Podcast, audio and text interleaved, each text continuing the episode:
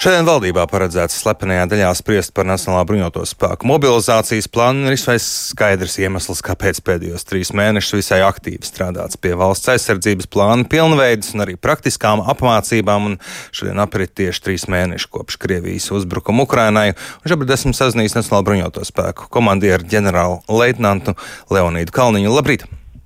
Labrīt! Pirms brīža dzirdējām jaunāko ziņu apkopojumu par to, kas notiek Ukrainā apri trīs mēneši kopš Krievijas uzbrukuma sākuma. Kā jūs raksturot šī brīža situāciju Ukrainā? No nu, šī brīža situāciju var apzīmēt ar vienu vārdu - tā ir stagnācija. No vienas puses eh, ir uh, milzīgs gribspēks un pārliecība, bet mazāks ieroču daudzums Ukraiņu pusē, un otrs puses ir daudz lielāks ieroču daudzums, bet absolūti nepārliecinība un arī negribēšana uh, vest uh, intensīvu kara darbību. Un tas noved pie stagnācijas, ko mēs īstenībā arī redzam uh, šai situācijai, kad absolūti grūti tiek virzība Krievijas karaspēku uz priekšu, lai iegūtu kaut kādas teritorijas un, un absolūti milzīga šī te pārliecība un varonības parādīšana no uh, Ukrainas uh, puses. Un tā ir stagnācija, kas īstenībā drauda ar diezgan ilgstošu kara darbību. Es tieši gribēju jautāt, vai šī stagnācija nāk par labu Ukrainai vai tomēr ir Krievijas interesēs? Šī stagnācija nu, noteikti, ka ne, nav par labu Ukrainas pusē. Ukrainas puse vēlās pēc iespējas ātrāk izbeigt kara darbību un atgūt savus teritorijas. Un šai ziņā tie lēmumi no vairāk kā 40 valstīm par palīdzības sniegšanu ir ļoti aktuāli un absolūti nepieciešami pēc iespējas īsākā laikā, lai tiktu nogādāt šis bruņojums Ukraiņiem un viņi varētu īsā laika periodā to apgūt un likt lietā.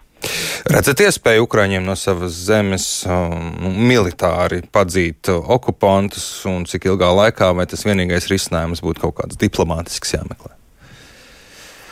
Es nedomāju, ka uh, Ukraiņu puse uh, no savas tās milzīgās pārliecības uh, gribētu uh, atstāt uh, šīs te okupētās teritorijas Krievijas pārvaldībā.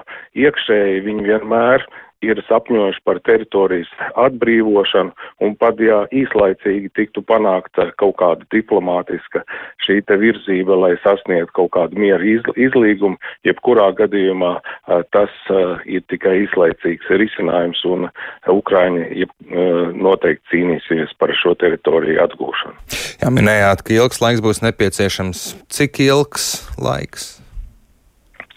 Eh, ja jūs domājat par kara darbību kā tādu, tad es eh, nu, esmu pārliecināts, ka eh, tuvāko divu, trīs mēnešu laikā, kad šī jaunā tehnika tiks apgūta, ir, nu, ir sagaidāmas ļoti asaņainas kaujas tieši tais reģionos, kur mēs to arī tagad redzam. Bet, Pats galvenais, ko es gribētu uzsvērt, viss tas fokālais punkts ir atkarīgs no Ukraiņu Eh, gribas un stingrās pārliecības.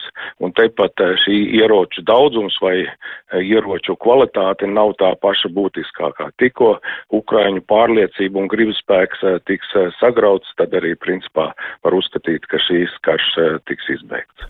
Bet es tomēr esmu pārliecināts tā ilgstošā sagatavošanās, kas eh, notika no 2014. gada, un tas, kas ir ielikts iekšā tagad Ukraiņu sabiedrībā ar to milzīgo pārliecību, naidu pret iebrucējiem, eh, nu, to ir grūti sagraut. Mums ir vēl ar ko palīdzēt Ukraiņiem. Mums, mums ir vairākas iespējas, kādā veidā mēs varam palīdzēt, un tas nav obligāti, ka mēs dalāmies ar to, kas mums te šeit ir. Mēs varam sadarboties un ar saviem sabiedrotajiem, un to mēs arī darām.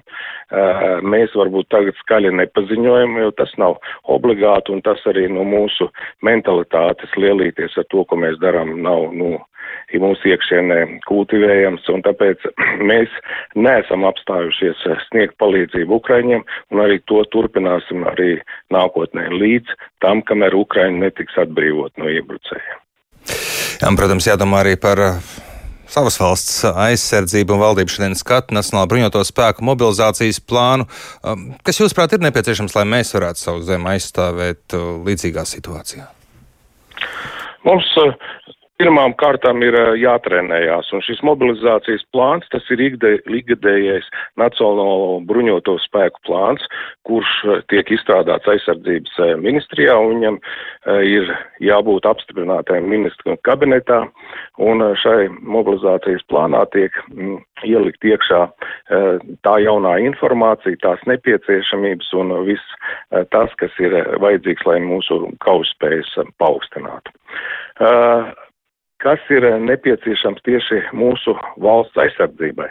Mums eh, ir jāiet tālāk. Mēs esam paziņojuši par visaptverošo valsts aizsardzību, aktīvi mēs strādājam pie jaunu spēju ieviešanas, mēs um, cenšamies daudz īsākā laika periodā iegūt to bruņojumu, pateicoties arī dažiem ministra kabineta lēmumiem par finansējumu piešķiršanu, un mēs tagad aktīvi strādājam arī mūsu sabiedrotajiem. Jaunu tehnoloģiju izstrādē, kas ir nepieciešami, lai bruņoties spēku attīstīties. Un te īpaši loma arī vietējā industrija uh, ir uh, parādījusi sevi kā labu atbalstu, kas nodrošinās mums tādu ilgspējīgu šo te profesionālu atbalstu tieši apgādes un bruņojumu izgatavošanas jomā. Tāpēc es esmu pārliecināts, ka mm, šie te nu, teiksim, tuvākie gadi būs ļoti intensīvi Nacionālo bruņoto spēku attīstībā un virzībā uz priekšu. Jā, visaptveroša aizsardzība jāreikinās, ka šaut varētu būt jāmācās katram?